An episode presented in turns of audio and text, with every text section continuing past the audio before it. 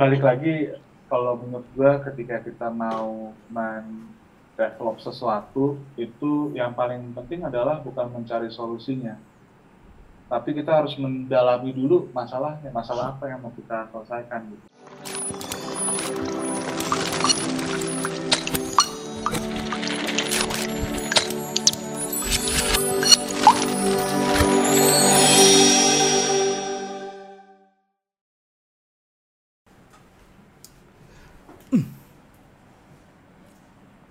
Alhamdulillahirrahmanirrahim.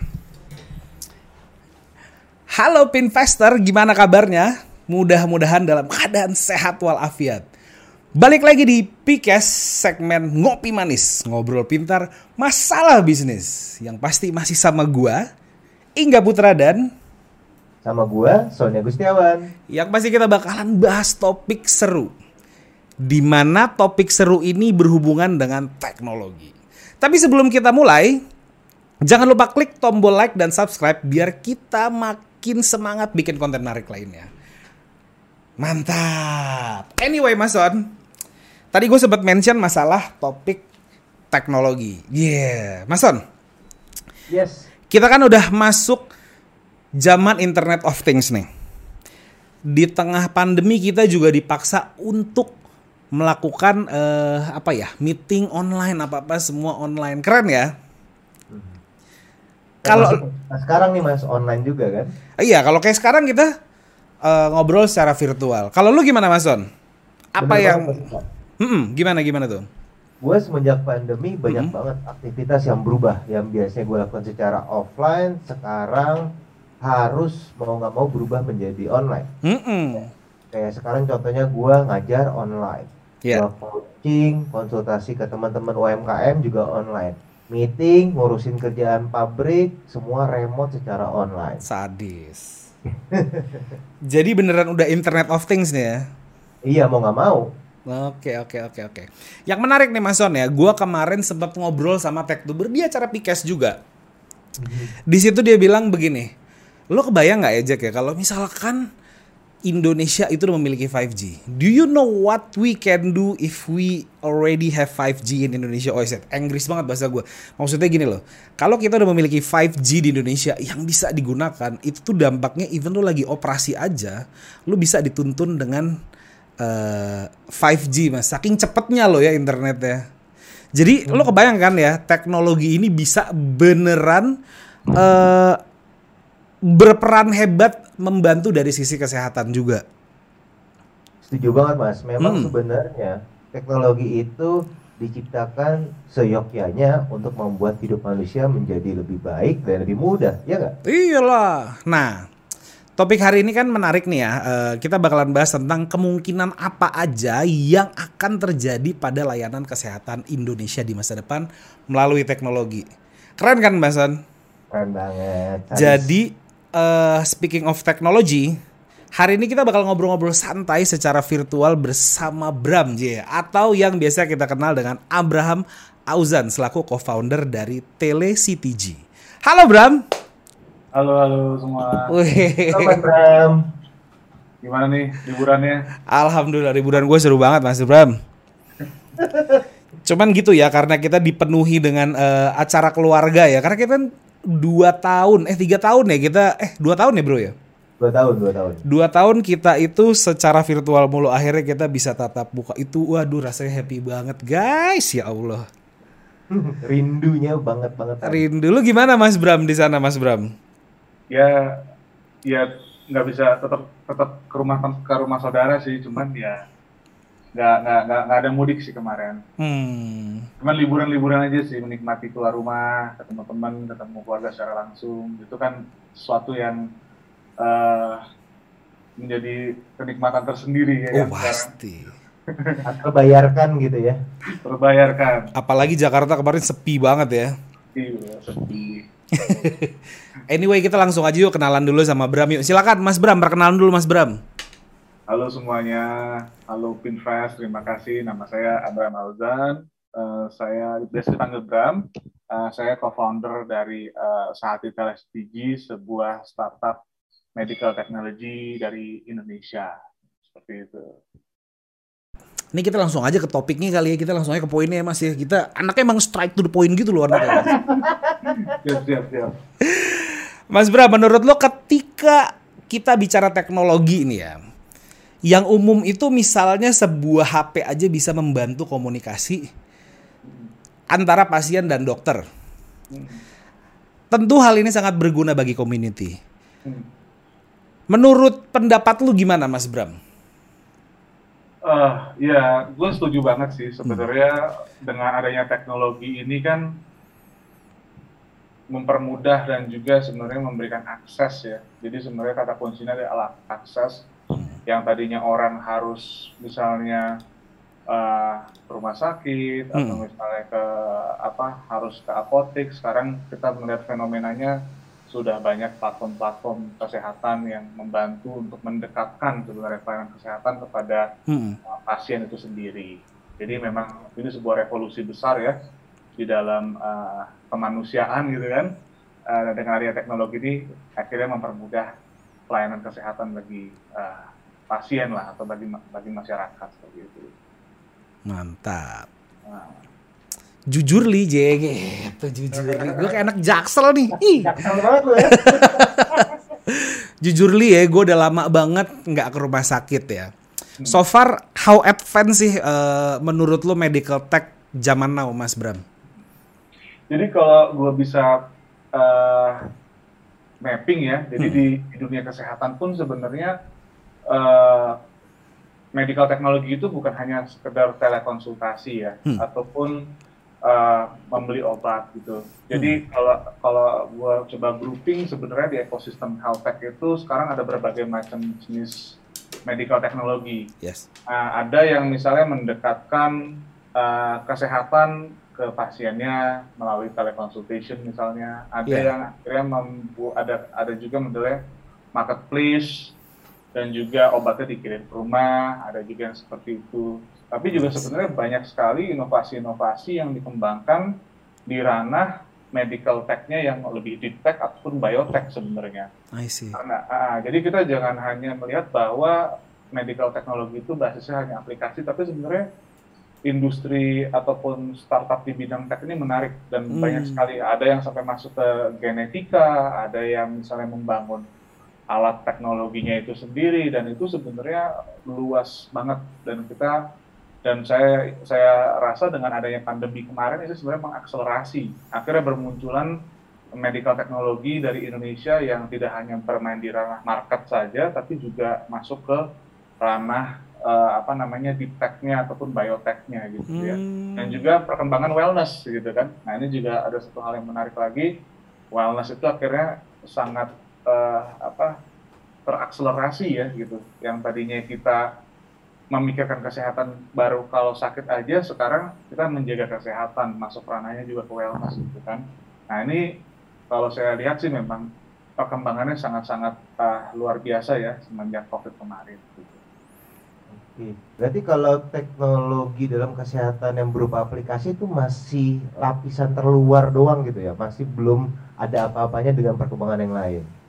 Uh, mungkin bukan lapisan terluar ya, tapi memang dari horizonnya berbeda-beda gitu kan. Hmm. Ada yang aplikasi kayak misalnya teman-teman di Halodoc, Halo Dokter, uh, Dokter dan segala macam yang istilahnya menjadi seperti marketplace atau mendekatkan diri kepada pelayanan kesehatan.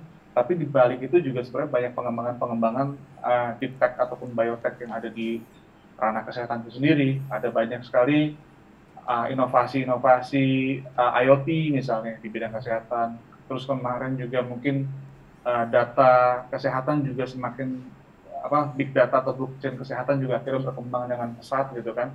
Dan akhirnya yeah, bisa iya. menemukan formula-formula baru. Jadi akhirnya ranahnya ini cukup luas sih kesehatan medical kesehatan ini medical tech ini gitu. Wah menarik banget ya.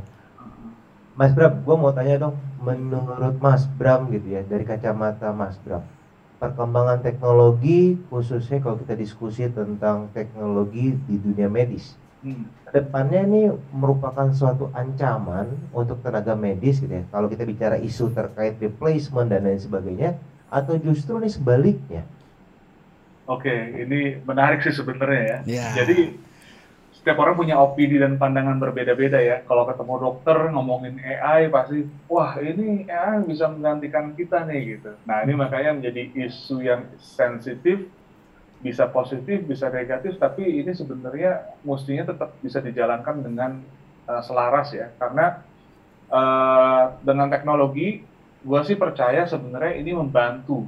Jadi membantu tenaga kesehatan agar misalnya lebih cepat untuk melakukan diagnosanya ataupun istilahnya mereka bisa mendeteksi lebih banyak macam penyakit hmm. dan dan gue yakin sebenarnya ini nggak menggantikan dokter tapi hmm. lebih mengefisiensikan dan lebih memfokuskan kerja dokter itu atau tenaga kesehatan lebih advance lagi gitu yang misalnya dulu mungkin kita uh, tidak bisa mendeteksi beberapa macam penyakit sekarang dengan adanya beberapa tes uh, apa PCR yang baru dan segala macam kan mempercepat proses itu semua gitu kan. Dan itu itu uh, gue yakin sebenarnya adanya teknologi ini malahan lebih mendukung pekerjaan tenaga kesehatan sih.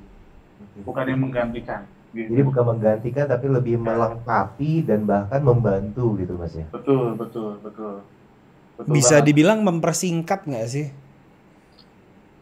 Di beberapa hal mempersingkat, hmm. di beberapa hal juga me lebih mengadvancekan, hmm. ya kan, mengadvancekan. Yang tadi ada beberapa penyakit yang mungkin nggak bisa disembuhkan, ternyata misalnya uh, dengan uh, big data ini menemukan formula penyembuhan yang baru misalnya. Hmm. Nah, hal tersebut kan sebenarnya lebih mencanggihkan ya, mempercanggih pelayanan kesehatan sebenarnya. Wih, mempercanggih pelayanan kesehatan.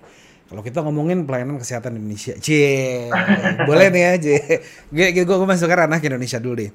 Ya. Tadi kan lu sempat mention tentang isu nih, Mas Bro. Sebenarnya ini gue agak-agak uh, ngom, uh, agak menyeberang dikit ya pertanyaannya ya. ya. Kalau menurut lu sendiri nih, uh, sebenarnya isu di Indonesia itu uh, isu kesehatan di Indonesia itu apa aja sih? Masalah-masalahnya tuh apa aja sih? Isu kesehatan Indonesia tuh Wah, sebenarnya lumayan luas ya iya ya. Berat ya pertanyaan uh, gue, J. Berat banget sih. Pasti orang gue ya. Sengaja sih gue ngasih pertanyaannya buat Mas Bram nih ya gitu. Terus terus Mas Bram, silakan Mas Bram. Sebenarnya yang paling utama kalau kita bisa melihat ya adalah akses ya, akses dan pemerataan dan pemerataan pelayanan kesehatan yang tidak merata itu sendiri. Hmm. Kita bayangkan aja Indonesia punya 17.000 pulau dan ada 270 juta penduduk gitu hmm. kan dan kita hanya punya rumah sakit itu sekitar tiga ribuan misalnya kita hanya yeah. punya uh, puskesmas itu hanya sekitar sepuluh ribuan gitu hmm, hmm, hmm. dan di case gua yang maternal health gitu ya karena kan uh, telecdg fokusnya pada kesehatan ibu dan anak terutama pada ibu hamil yeah. menangani isu pen penurunan angka kematian ibu serta stunting hmm. di Indonesia itu hanya memiliki empat ribu sampai enam ribuan dokter kandungan.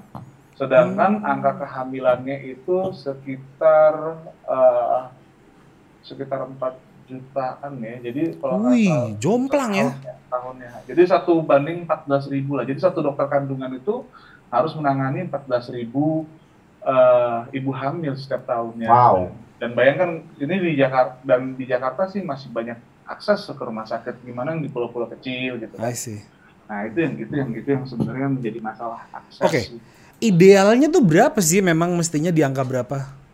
Satu Waduh. dokter untuk sepuluh ribu kah atau satu dokter untuk seribu penduduk kah? Idealnya tuh berapa sih? Ya itu itu ada angka-angka sendirinya sih ya. Hmm. Uh, dan juga ngomongin geografis, kepadatan penduduk dan segala macamnya. Hmm. Setiap negara juga punya angka yang berbeda gitu, punya standar yang berbeda. Cuman kalau kita melihat dari satu sisi itu aja ya udah sangat jomplang gitu kan mm-hmm. tenaga kesehatannya, fasilitas kesehatannya tidak bisa mencukupi uh, jumlah penduduk yang ada di Indonesia. Jadi akses itu nomor satu sih permasalahannya. Mm. Gitu. Karena gue juga pernah mengalami hal yang ini sih yang kurang serak gitu ya dulu dulu sih jadi ceritanya itu dulu gue mesti PCR gue waktu dulu ke daerah Sumatera lah salah satu daerah Sumatera di mana mewajibkan gue untuk PCR nih di saat gue datang ke sana, resultnya itu ternyata dikirim dulu ke Jakarta, bro. Baru dibalikin lagi ke sana. Jadi kayak routingnya tuh, ya itu mungkin salah satu problem dari ini ya. Betul, betul. Akses mungkin ya. Akses, hmm. akses tuh masalah terbesar sih Indonesia. Makanya yes, dengan adanya teknologi kan, ya kita berharap bisa meringankan sedikit lah gitu kan. Mm -hmm. Walaupun gue belum melihat kita tuh udah udah udah maksimal untuk membantu gitu. Tapi setidaknya at least pergerakan-pergerakan lah dari teman-teman yes. uh, di startup ini gitu. Seperti yang tadi lu bilang tadi ya, Ji. maternal. Cuman tadi sempat lu mention tentang maternal aduh tadi maternal apa namanya? Sorry, Bro. Maternal health ya. Maternal health. Cuman nanti itu akan coba kita bahas di agak belakangan dikit. Cuman gue ya, masih ya. pengen ngebahas soal si isu-isu ini aja sih. Hmm.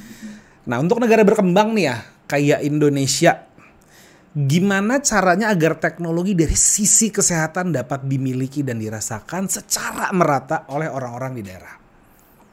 Hmm, itu hal yang menarik ya. Ini oh, akhirnya... Berat nggak sih? Berat nggak sih pertanyaan gue? Mohon maaf nih ya. Pertanyaan berat-berat ya, mantap. Oh, iya. Sebenarnya uh, ya itu adalah masalah kedua ya dari hmm. akses akhirnya ada solusi tapi kok solusinya belum bisa dirasakan itu hmm. pertanyaan juga ya. Akhirnya masuk lagi ke ranah kebijakan ataupun ke ranah regulasi gitu kan. Karena mau nggak mau nggak bisa dipungkiri bahwa kesehatan ini kan ada dua belah mata apa bisa dibilang ini ya outputnya itu adalah nyawa orang gitu kan. Yeah. kesehatan orang gitu. Jadi kalau kita bikin teknologi jangan sampai nanti ujung-ujungnya taunya salah diagnosa malah salah uh, kasih obat atau salah kasih penanganan terus malah apa mencelakakan nyawa seseorang gitu kan. Hmm. Nah, jadi memang ini ini uh, isu yang sangat menarik di satu sisi medical teknologi itu lagi seksi-seksinya dan hmm. kita tahu kemarin dengan adanya pandemi ini akselerasinya kencang banget. Yep. Tapi di satu sisi juga ada ada ada resiko-resiko yang kita juga harus pahami bahwa di ujung sana yang kita bantu ada nyawa seseorang gitu kan. Hmm. Di ujung sana uh, dokter atau tenaga kesehatan yang menggunakan teknologi kita juga memiliki resiko jangan sampai dia memberikan salah diagnosa dari hasil teknologi kita gitu. Dan itu kan mengancam pekerjaan dia juga gitu kan. Betul.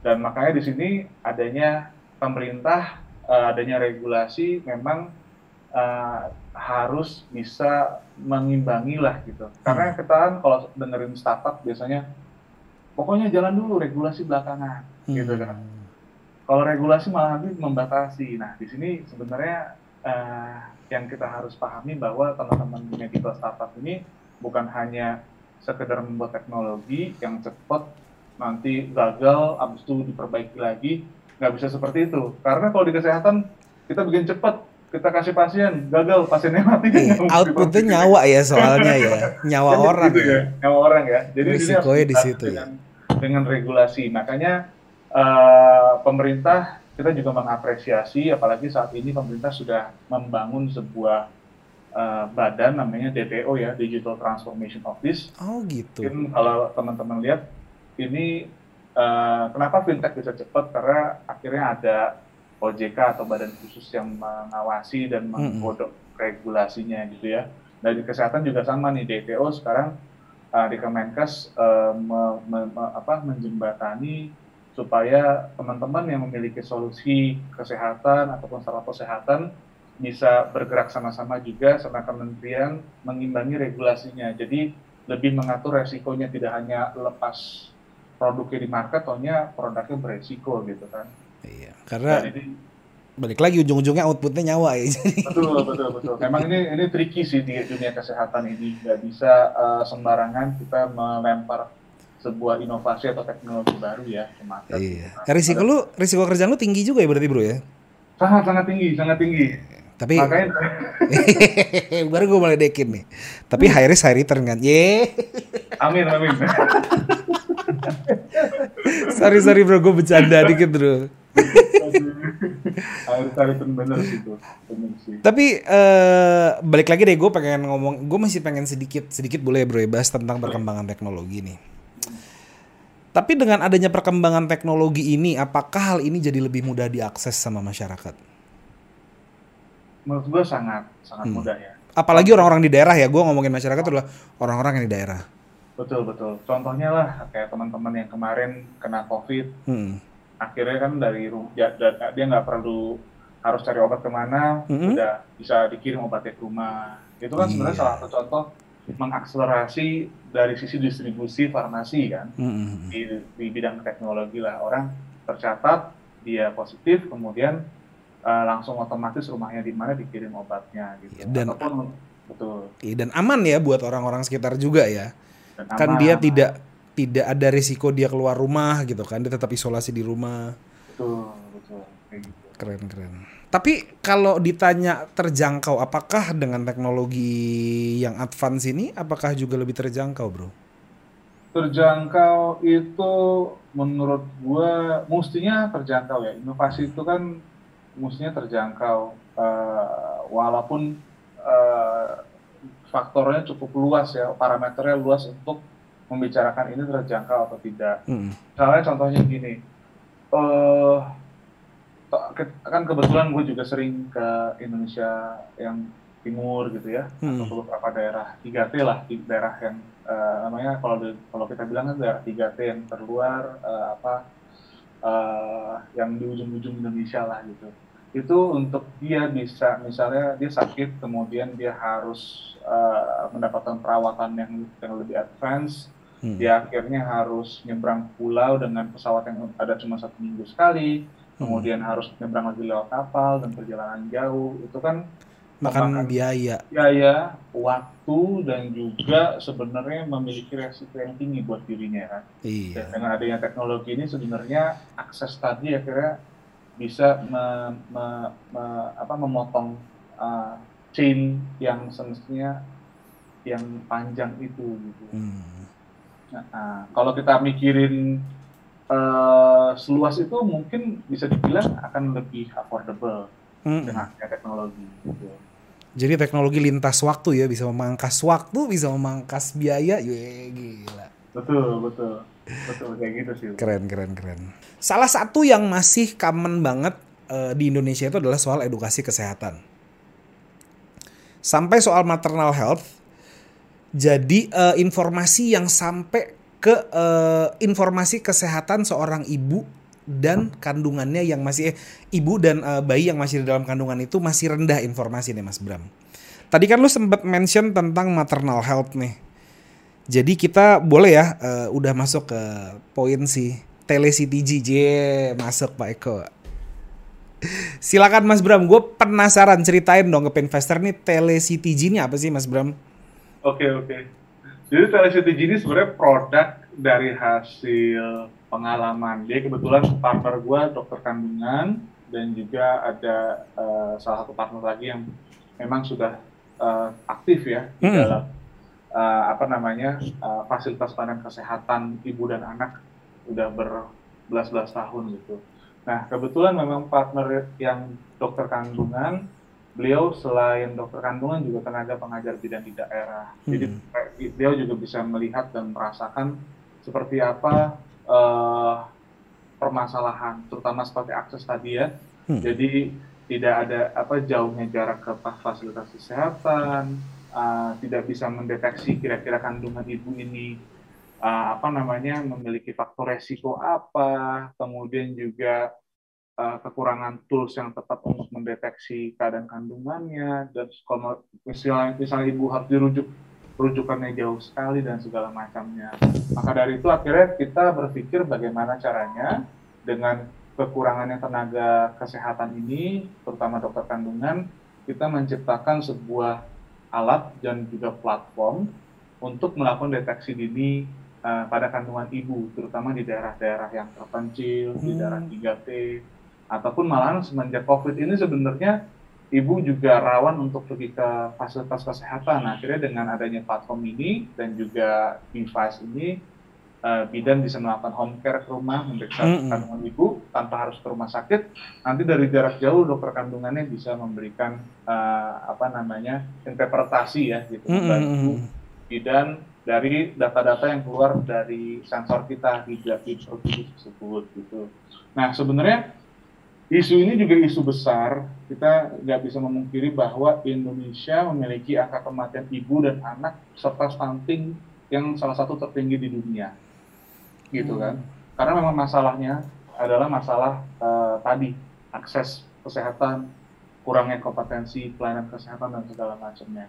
Nah, yang berikutnya lagi, isu ini ternyata semakin luas lagi. Kenapa?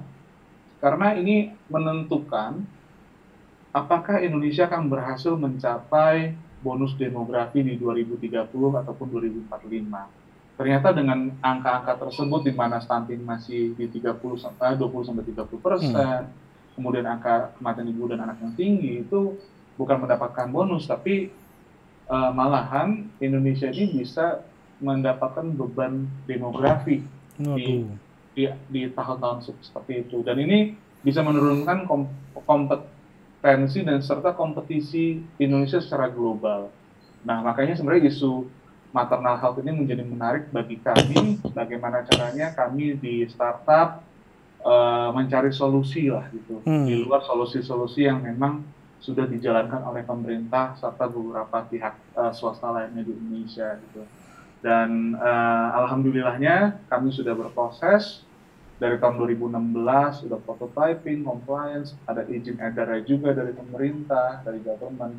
Kemudian kita sudah melakukan piloting di hampir 30 kabupaten kota dan memang di beberapa daerah alhamdulillahnya sudah menunjukkan indikasi turunnya angka kematian ibu dan anak. Alhamdulillah.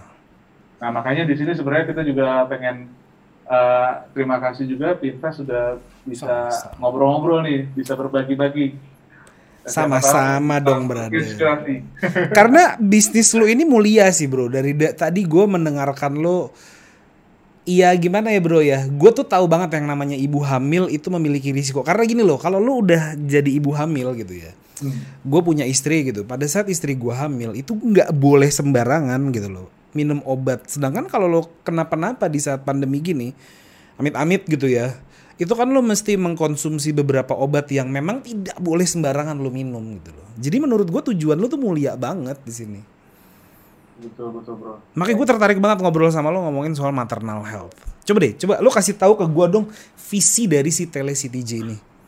Sebenarnya visi misi Tele CTJ ini lebih luas dari hanya sekedar alat ya. Kita -hmm. kan ingin membangun generasi Indonesia yang lebih lebih baik lagi ke depannya lah ya. Mm. Secara bukan hanya secara kuantitas. Yeah. Kalau kuantitas kan banyak-banyakan anak aja gitu kan, tapi juga mm. secara kualitas. Gimana caranya uh, anak yang lahir dari seorang ibu itu menjadi anak yang memang berkualitas. Dan kita juga harus pahami bahwa sebenarnya uh, apa yang ada kita sekarang gitu ya, itu apa yang terjadi saat kita waktu uh, di dalam kandungan sampai seribu hari pertama kehidupan kalau mungkin teman-teman sering dengar ya jadi hmm. uh, eh, 40% kondisi kita saat ini itu di, di, di, ditentukan ketika saat kita dalam kandungan dan 60 persennya itu di saat uh, setelah lahir sampai umur satu setengah tahun jadi kalau misalnya kita tidak mendapatkan perawatan ataupun pelayanan yang terbaik saat hamil uh, saat di dalam kandungan itu berpengaruh sama kita masa depan. Berpengaruh sama masa depan. Kita memiliki penyakit-penyakit derivatif dan segala macam segala macamnya gitu. Dan itu kan juga jadi beban pemerintah juga kan. Iya. Hmm. Yang ke jantung, diabetes segala macam semua itu kan sebenarnya terjadi dalam pembentukan sel-sel kita di masa kita uh, dalam kandungan sampai seribu hari pertama kehidupan itu gitu. Menarik, Dan juga ya. mentality kita, mentality uh, cara kita berpikir semua dibentuk di situ dan itu itu itu sangat-sangat uh, jarang di, dibahas dan uh, yang yang pemerintah kalau kita ngomongin kesehatan itu biasanya untuk menyembuhkan orang sakit banyaknya. Bukan untuk membangun atau membentuk mendesain seorang manusia gitu. Jadi sebenarnya kita tuh pengen mendesain manusia Indonesia itu lebih baik lagi ke depannya gitu. Karena bisa didesain bukan sebenarnya ngopi ngopi dulu ngopi dulu ngopi dulu. Ini kayaknya udah terlalu berat nih kita ngopi dulu dikit. Iya, gue ber, gue begitu pas dia ngomong gitu tuh gue berasa kayak kayaknya mak gue sa kayak gue gue seribu hari pertama gue kayak adik salah. Indonesia by design lah. Iya. Gitu. Wah gile gile gile. Contohnya kayak ini bro, ini partner gue selalu jelasin. Kayak hmm. misalnya ada satu pemain naturalisasi ya. Asik. Uh, siapa sih namanya? Uh, itu Christian Gonzalez gitu kan. Asik ya. Hmm. Dia 40 tahun hmm. masih bisa 45 kali dua kali bolak-balik gitu kan. Ya. Tapi pemain Indonesia baru setengah jam pasti udah ganti pemain gitu. itu itu nggak bisa dipungkiri bu. Ternyata uh, orang Amerika Latin itu memiliki intake protein ataupun daging yang tinggi di saat uh, di, di di sana kan. Jadi hmm. jadi intake protein yang tinggi itu ternyata mempengaruhi pembelahan sel paru-paru pada saat ibunya apa pada saat si bayi itu dalam kandungan jadi memiliki sel paru-paru yang lebih luas dibanding oh, I see. Uh, orang Indonesia gitu. Ini gue baru tahu nih begini nih Mas Son nih. Jadi valid ya kita kita ngajakin Bram ngobrol valid ya Mas. sampai sampai sampai banyak banget pertanyaan di kepala gue nih. Eh monggo monggo Mas Son, monggo Mas Son gila. Gue juga bingung nih tadi. Ini Mas Son uh, kayaknya diem aja nih kayak karyawan baru. Je gitu. Bercanda Mas Son, bercanda Mas Son. Silakan Mas Son, monggo lo kalau mau nanya. Mas Bram, ini kan keren banget gitu ya. Gue ngelihat dari segi visi, telesi, TG, kemudian gue buka websitenya, gue browsing dan lain, sebag dan lain sebagainya. Nah, gue pengen bertanya dari kacamata bisnis ya. Tadi kan kalau Mas Ingga udah nanya dari kacamata kesehatan ya, Mas. Nah, kalau dari kacamata bisnis, awal mula eh, lahirnya ide ini, tercetusnya ide ini tuh sebenarnya dari mana ya? Apakah melihat wah ini kayaknya ada alat yang bisa memberikan profit, menjanjikan dan dibutuhkan atau benar-benar pure melihat dari permasalahan masyarakat? Nah, uh, gue sebenarnya pertanyaannya bingung nih jawab yang mana.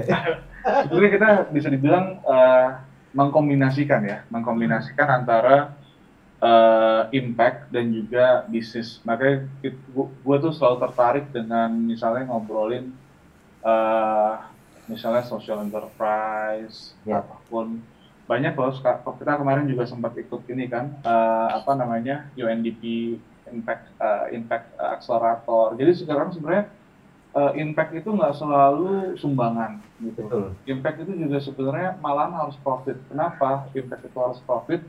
Karena tanpa impact eh, impact itu tanpa profit maka nggak akan sustain. Yeah.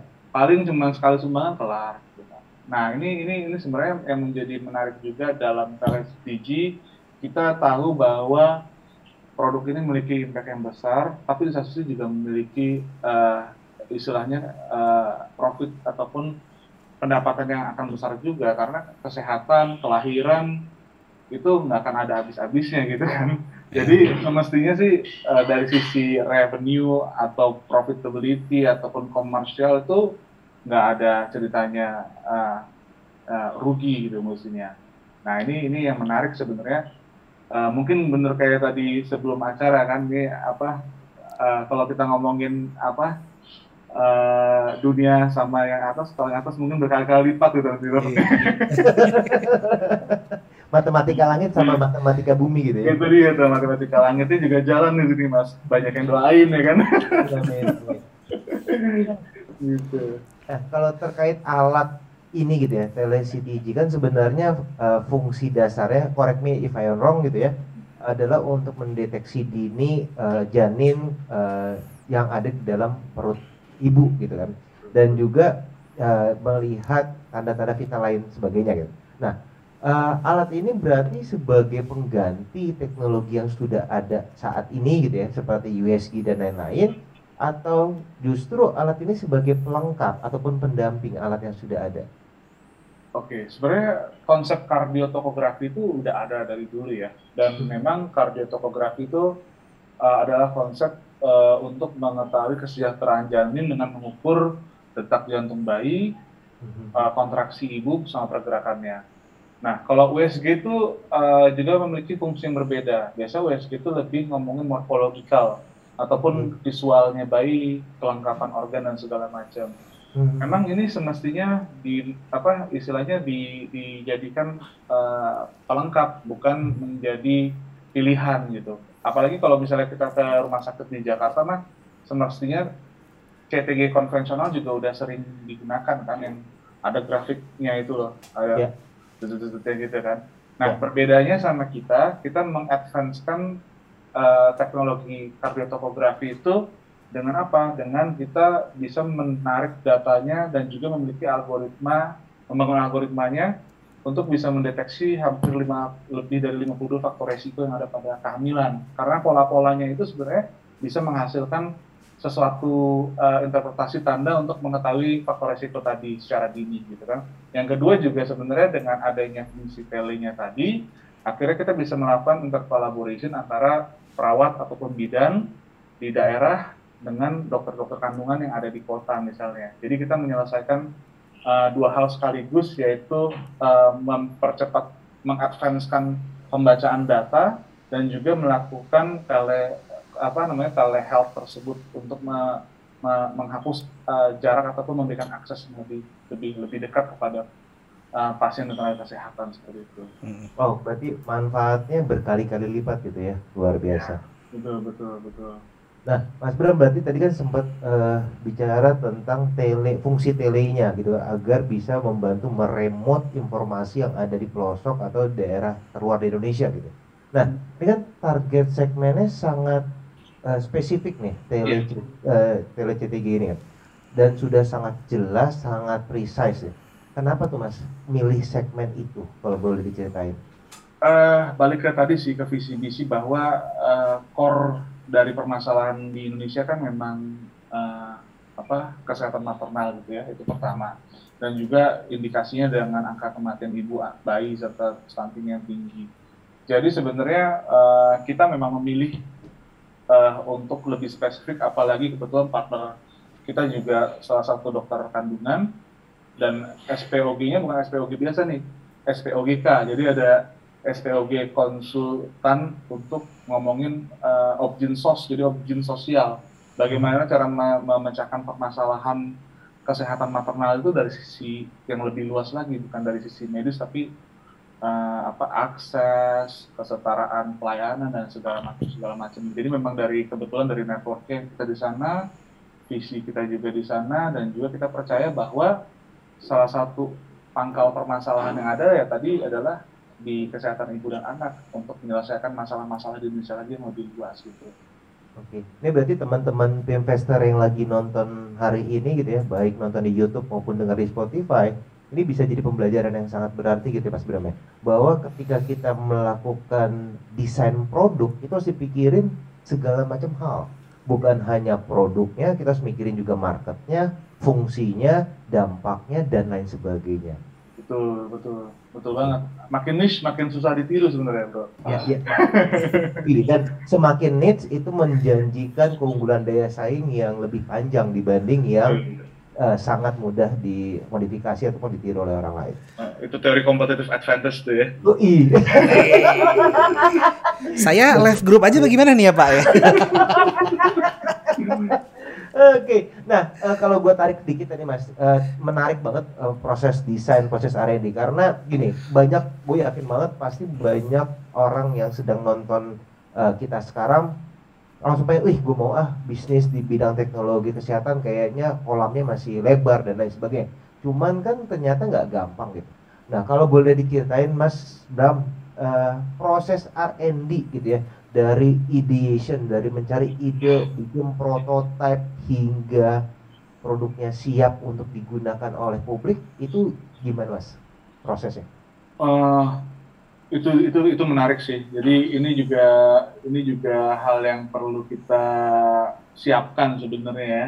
Dan kemarin tuh bener-bener kita tuh awalnya memang nggak kepikiran gini. Maksudnya kalau kalau kita ngomongin game-game market ya kayak marketplace atau apa kan, kita develop mungkin bisa langsung testing di, di, di apa di market dengan cepat. Ini memang butuh waktu, resource yang cukup besar juga. Jadi pertama kali itu uh, uh, partnerku datang dengan sebuah research di tahun 2014-15 gitu kan.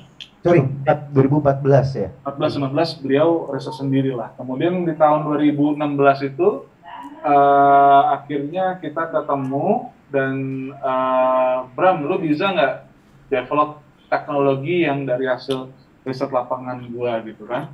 Nah akhirnya kita mulai dengan melakukan validasi riset lagi, kita kita coba main di puskesmas, main di klinik, kemudian kita develop alatnya, uh, prototype 1, 2, 3, mana yang cocok, segala macam. Kemudian dari proses uh, prototype tahun 2016, kemudian kita melakukan uh, uji klinis Okay. Ini yang sebenarnya paling menarik di kesehatan harus adanya uji klinis kayak obat alkes itu harus ada uji klinis.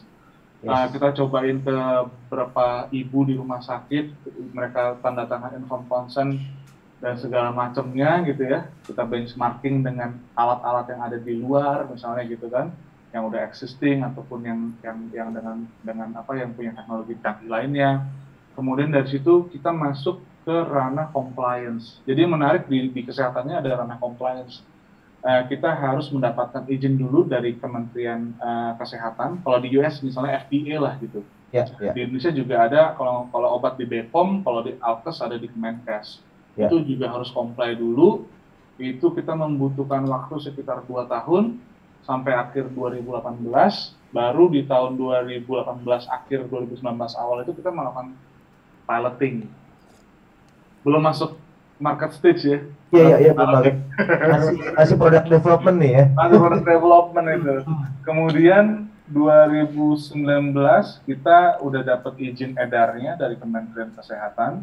Hmm. Kemudian kita melakukan piloting di mana piloting itu sebenarnya belum bisa di apa even pemerintah ataupun rumah sakit juga belum mau beli gitu karena kan belum ada buktinya kan ya, akhirnya ya. kita coba kolaborasi dengan uh, keren lah gitu ya dengan uh, AUSAID, USAID, uh, World Bank dan segala macam yang memang open untuk inovasi uh, terbaru juga gitu kan untuk kesehatan. Itu berjalan 2019, 2020 itu mestinya kita fly, tapi karena COVID jadinya harus terkendala sedikit.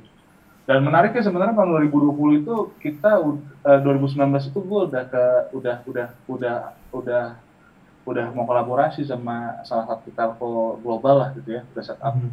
Uh, kita udah masuk ke market uh, Amerika Latin waktu itu. Jadi uh, masuk ke Kolombia, uh, Kuba, Peru sama Argentina. Kita waktu itu udah setup server tuh di di, di Meksiko uh, 2019 akhir.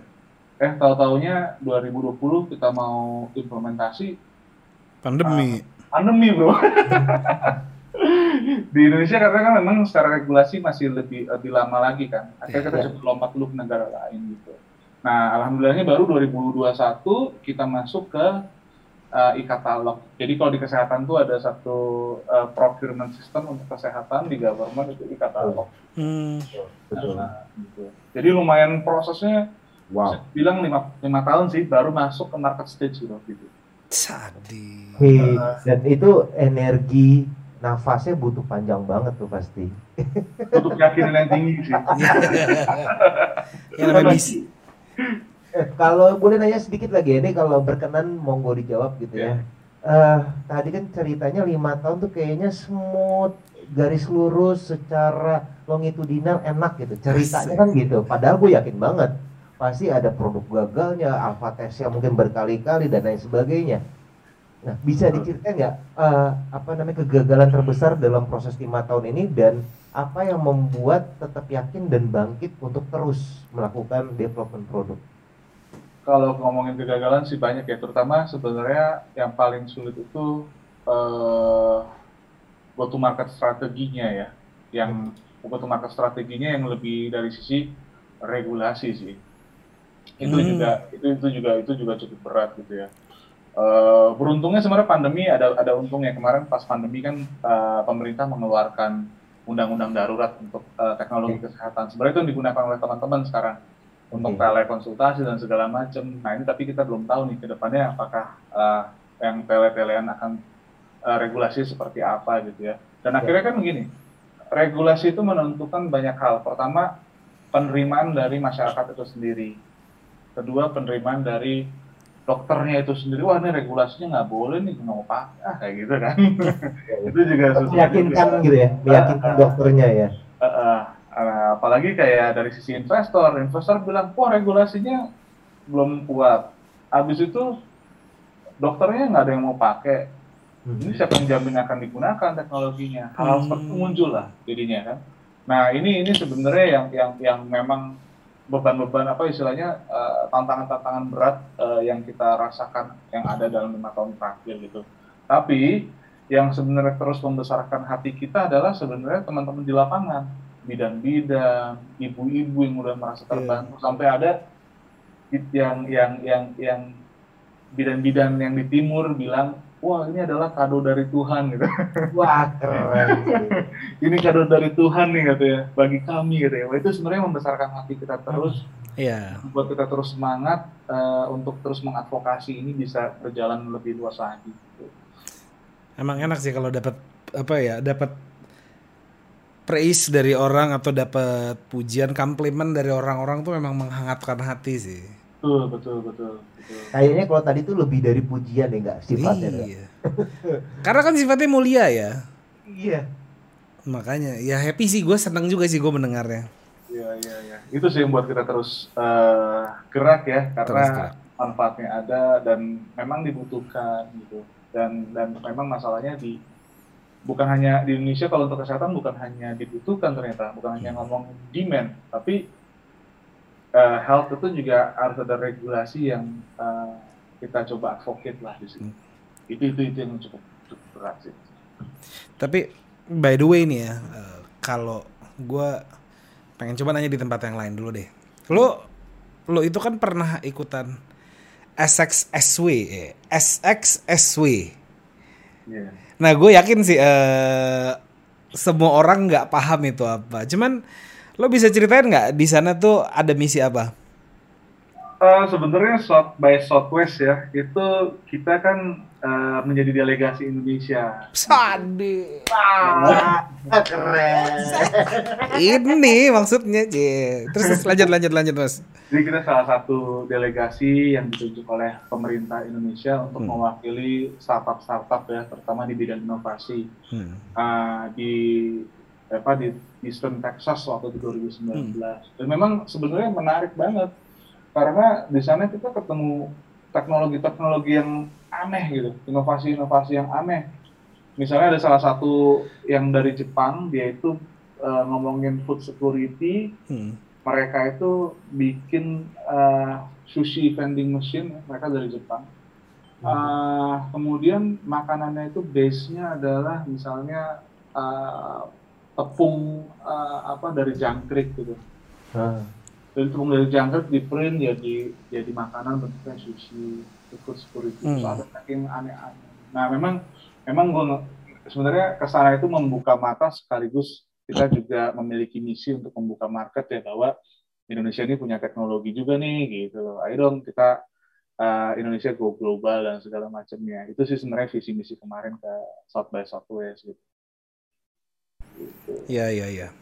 Hmm uh, ini menarik nih ya. Uh, eh, gue tuh di otak gue tuh kepikirannya kayak lu kayak acara Shark Tank gitu loh. Lo lo tau gak sih acara Shark Tank dulu?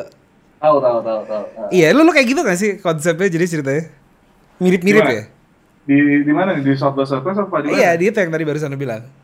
Uh, Karena kan ngeliat kayak ada yang dari orang Jepang ada yang bawa ini, ada yang ada yang ngasih unjuk ini gitu kan sebenarnya lebih exhibition sih. Di sana hmm. ada negara, ada ada ada ada teknologi-teknologinya, ada inovasi-inovasinya gitu kan. Okay. Uh, kita showcase, kita saling tukeran kontak juga. Oh gitu. Uh, tukeran uh, kolaborasi sebenarnya sebenarnya ya kolaborasi itu yang kita coba bangun ya antara startup gitu. Cuman memang memang memang yang gue lihat ini sih uh, setiap setiap bukan hanya setiap negara ya, tapi setiap uh, region tuh punya punya punya cara berpandang teknologi yang berbeda ya. Kalau hmm.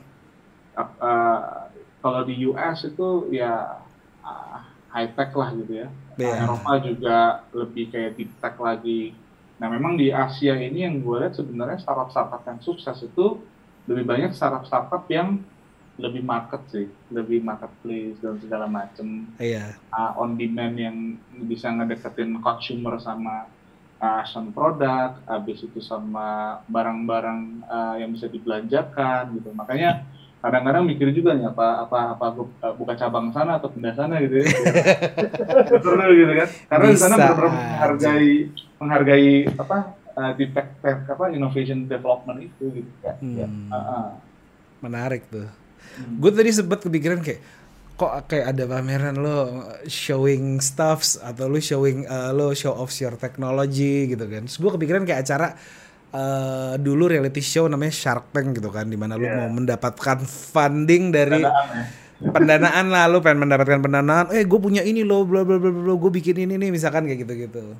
Itu gue teringat ada salah satu dulu narsum gue ngobrol, namanya Haris Abdullah gitu kan. Hmm dia cerita Indonesia itu sebetulnya banyak apa namanya eh, bakat-bakat atau banyak bibit-bibit yang keren-keren gitu. Kalau ditanya genius, orang Indonesia itu super genius. Cuman problemnya adalah mereka lack of financial literacy. Makanya jarang ada yang dapat funding. funding ya. Iya, problem cuma itu doang sih sebetulnya. C. Nah bicara soal get fund gitu kan, karena kesehatan ya ini, gue balik lagi back to topic lagi deh gitu ya. Karena uh, kesehatan tanpa adanya bisnis nggak bisa jalan juga, setuju nggak bro?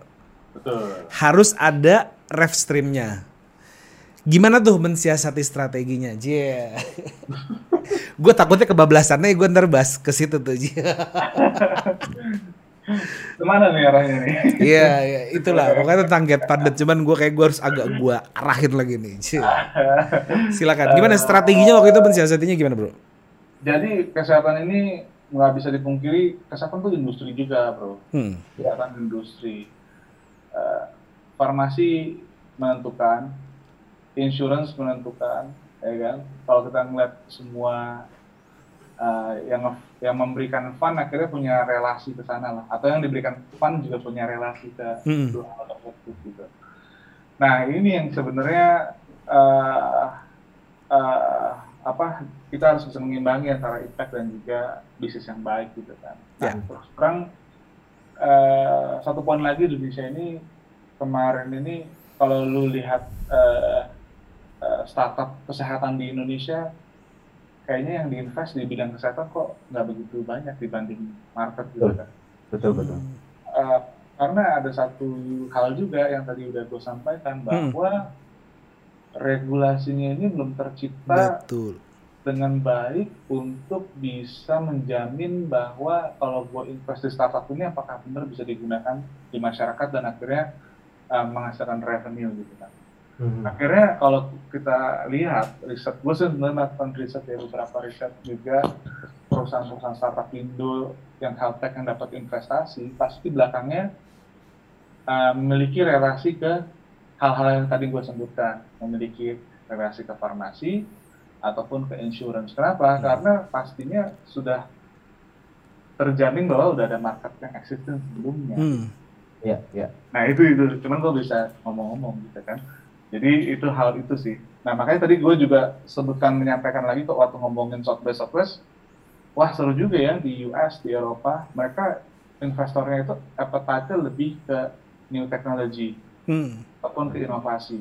Tapi appetite investor di Indonesia ini lebih yang market access.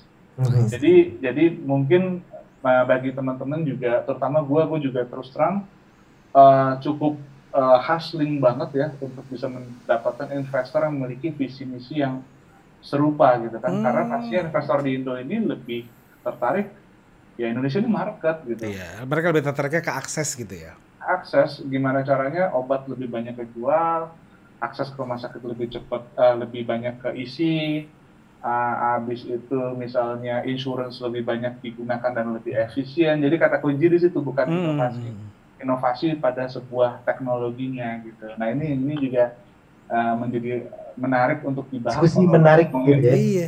Uh, ini, arah investasinya. Iya. Ini nih gue gue sebenarnya pertanyaan gue masih belum kejawab sih sebetulnya gue masih ganjel sih.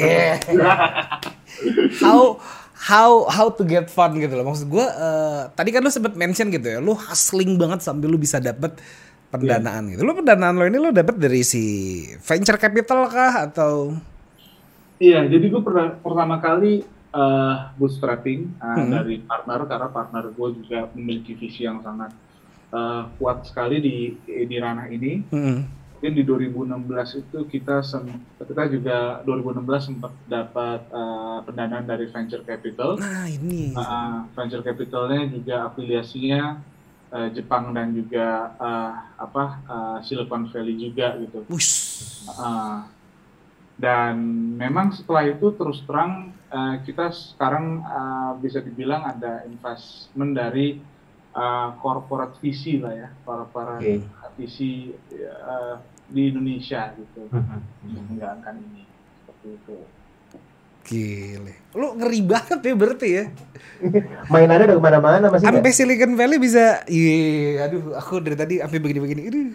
Mas, Mas Bram ngeri banget Mas Bram.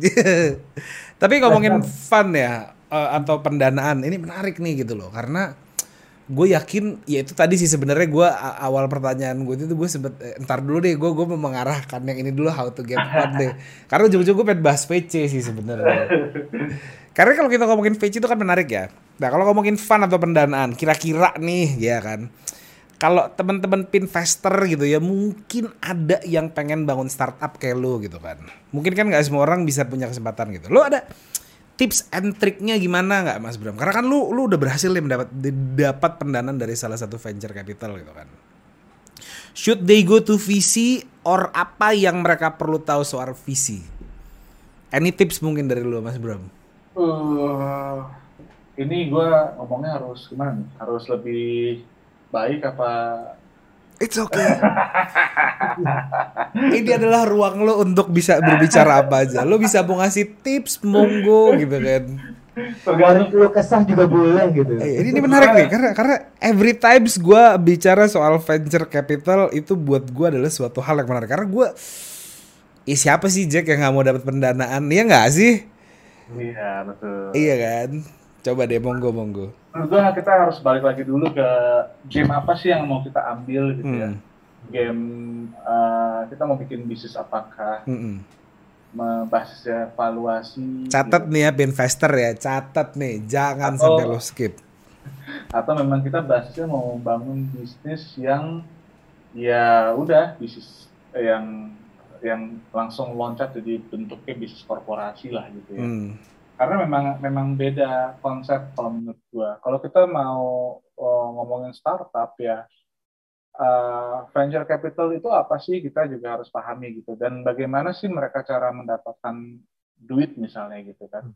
Mereka kan sebenarnya uh, venture kalau kita pakai perspektif venture capital dia akan mencari uh, startup mana yang dapat berkembang dengan uh, apa growth yang eksponensial lah gitu ya dan dia akan mengambil keuntungan dari uh, valua apa namanya growth dari valuasi tersebut juga gitu. Oke, okay, jadi sebenarnya game venture capital itu sebenarnya sangat menarik untuk di Indonesia ya karena dengan market yang banyak, dengan market yang luas, kemudian tingkat consumerism yang tinggi, lapisan yang tinggi, pasti game-game uh, market growth ini menjadi menjadi seksi lah. Makanya hmm. kenapa kalau kita lihat beberapa tahun terakhir kan venture capital banyak sekali masuk Asia Tenggara khususnya Indonesia sebagai hmm. negara market gitu ya. Yeah. Ya. Uh, tapi kita memang harus tadi yang seperti saya sampaikan bahwa satu kita harus tahu dulu nih visi misi kita ini membangun produk kita ini buat apa sih mau ke mana gitu kan.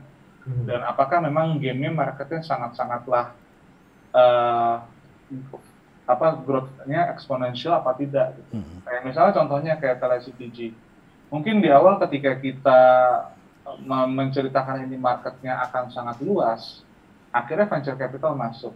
Tapi iya. setelah kita memvalidasi market kita dengan regulasi yang begitu uh, kenceng ya di kesehatan, akhirnya banyak membuat venture capital juga berpikir dua kali untuk masuk ke game kita, game inovasi ya.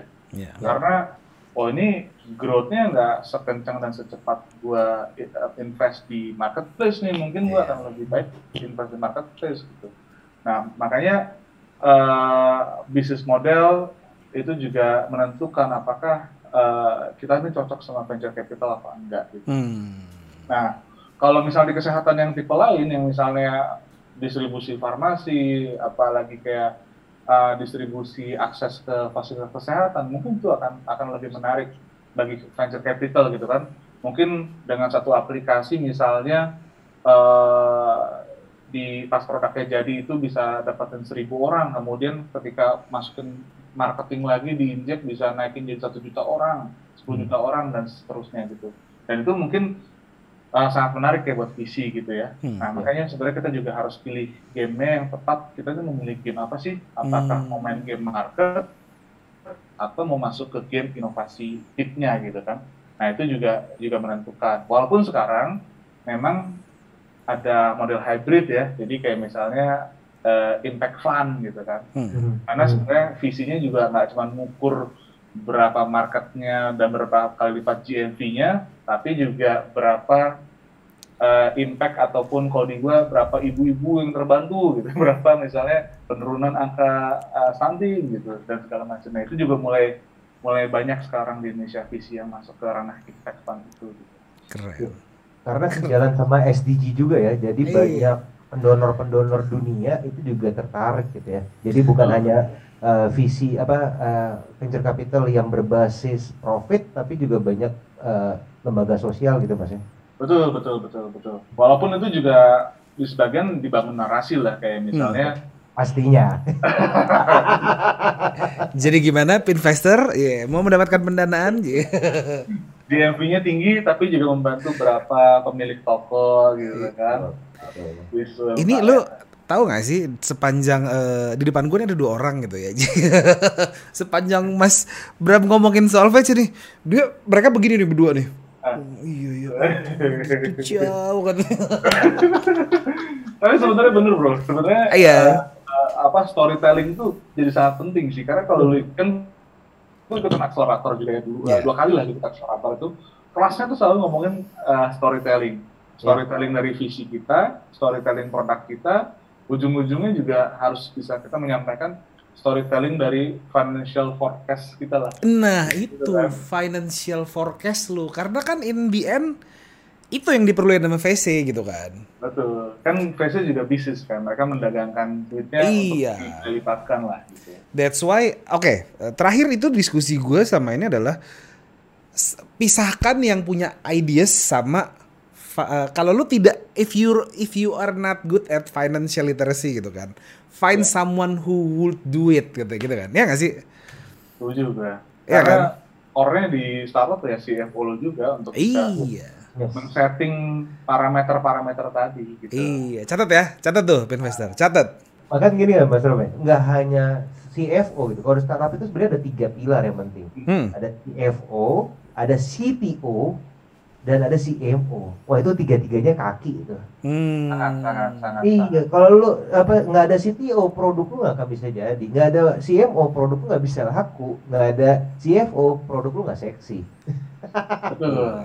Ini harus melengkapi sih. Melengkapi. Ada ada apa namanya tiga tiga orang yang jagain Mas Bram, kalau gue tadi boleh highlight sedikit mungkin buat teman-teman investor masih enggak juga ya. Hmm. Uh, jadi kalau memang lu butuh funding, butuh pendanaan, harus kembali lihat bisnis model lu ya. ya. Karena bisnis model lu itulah yang akan menentukan cocok atau tidaknya lu mendapatkan funding dan juga model funding seperti apa yang lu butuhkan agar sesuai dengan value perusahaan lu. Gitu Mas.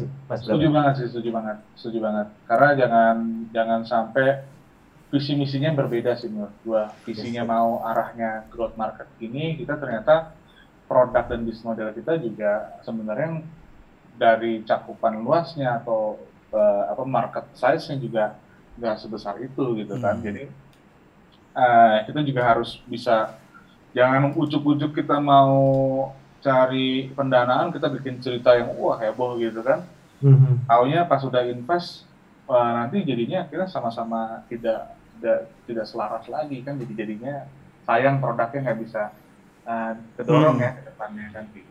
Itu harus garis bawah itu karena banyak banget teman-teman UMKM cari pendanaan terus ujung-ujungnya ah gue kecewa sama venture capital bla bla bla padahal bukan salah venture capitalnya tapi memang nggak cocok aja bisnis modelnya. Iya. Betul, betul, betul. Biasanya kan venture juga, capital sendiri kan punya minat juga kan untuk invest ya, mana. Betul, betul. Ada appetite-nya sih. Ada yang misalnya industri gitu kan. F&B oh, lah mungkin gitu kan. Betul, F&B hmm. atau misalnya uh, transportasi, logistik sekarang kan. Ya. Mungkin pun kita juga perlu melakukan research kali ya ke venture capital yang kita tuju. Bener nggak ya. sih?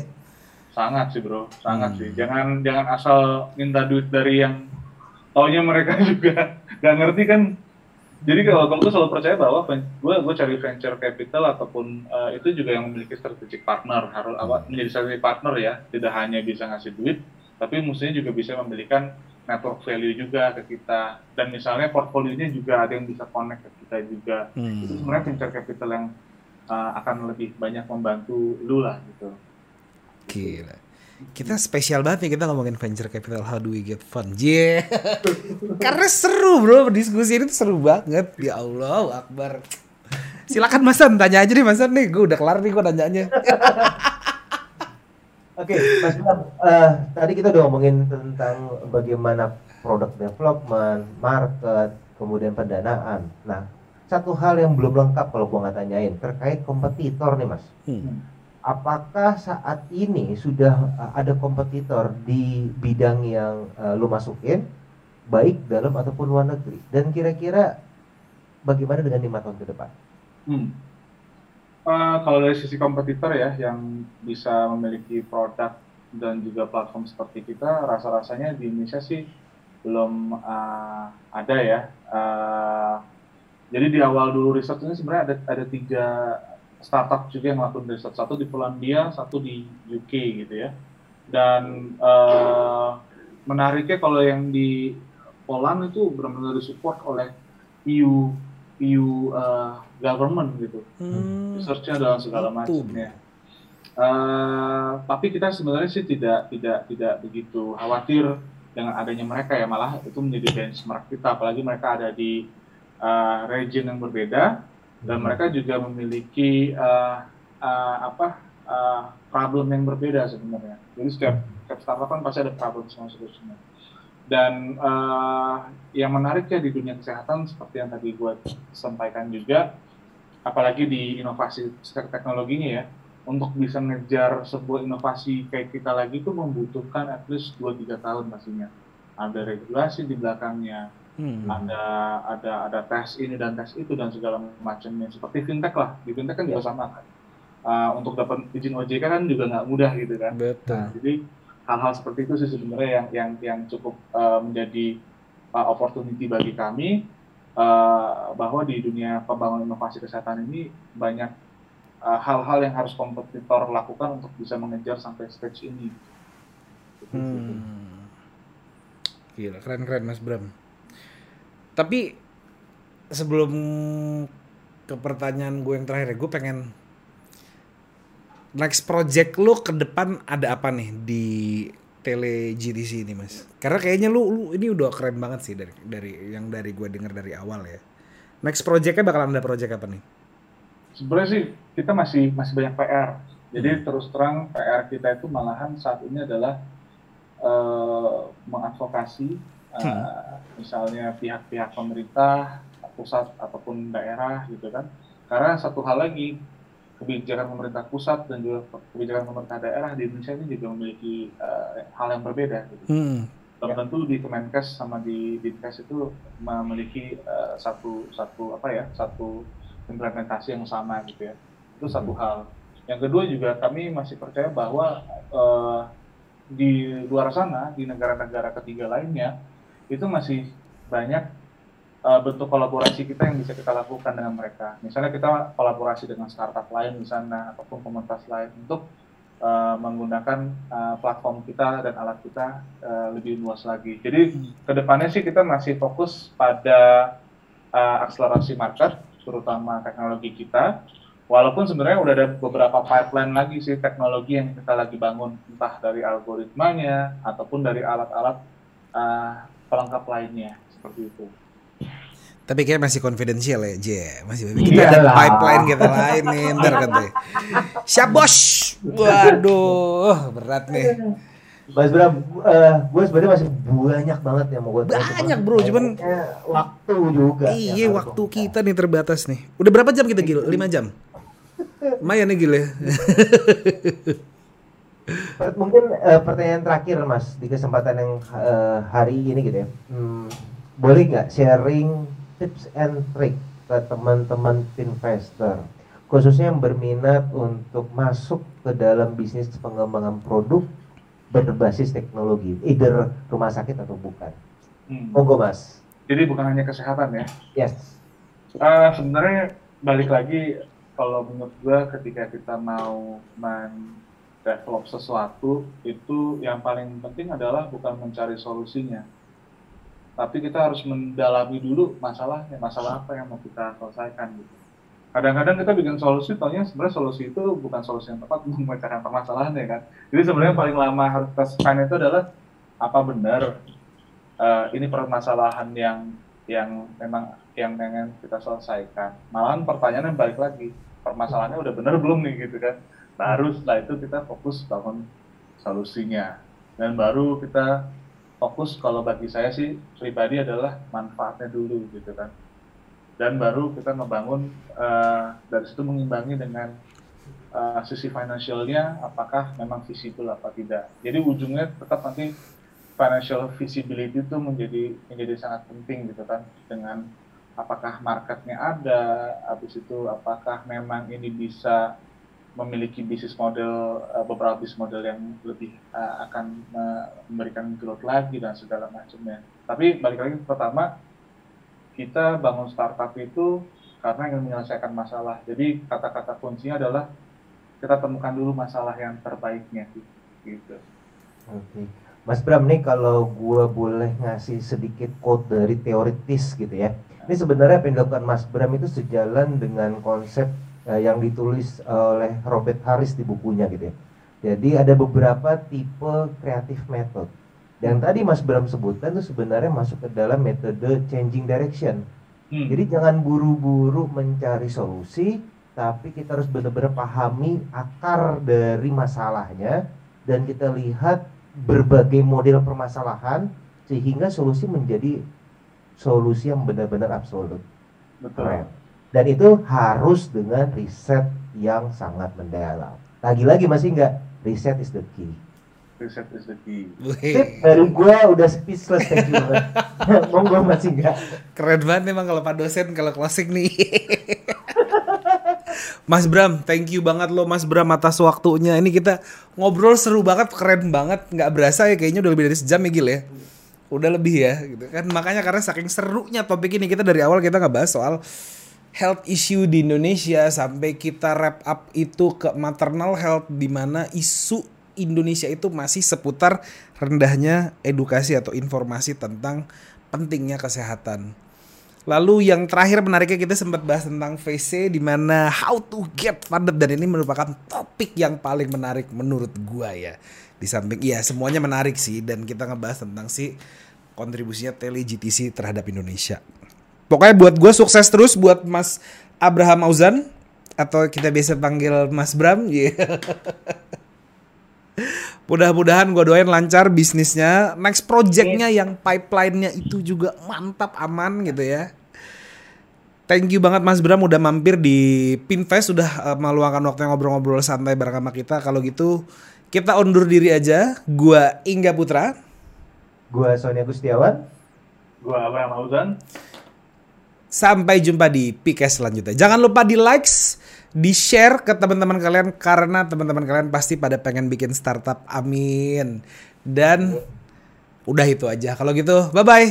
Sampai jumpa di ngopi manis berikutnya. Selamat Assalamualaikum. Waalaikumsalam.